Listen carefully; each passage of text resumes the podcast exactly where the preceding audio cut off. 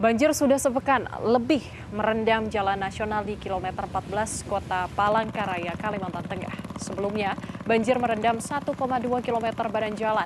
Namun pada Kamis kemarin banjir meluas hingga merendam 1,8 km jalan Trans Kalimantan dengan ketinggian 70 cm.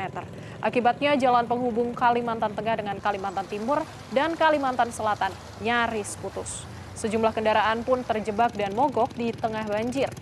Sementara kendaraan roda 2 yang ingin tetap melanjutkan perjalanan dapat menyewa ojek perahu dengan tarif Rp70.000. Banjir yang semakin parah membuat pemerintah Kabupaten Pulang Pisau kini menetapkan status siaga bencana banjir hingga 23 November mendatang. Kondisi banjir saat ini di, boleh dikatakan semakin parah nih.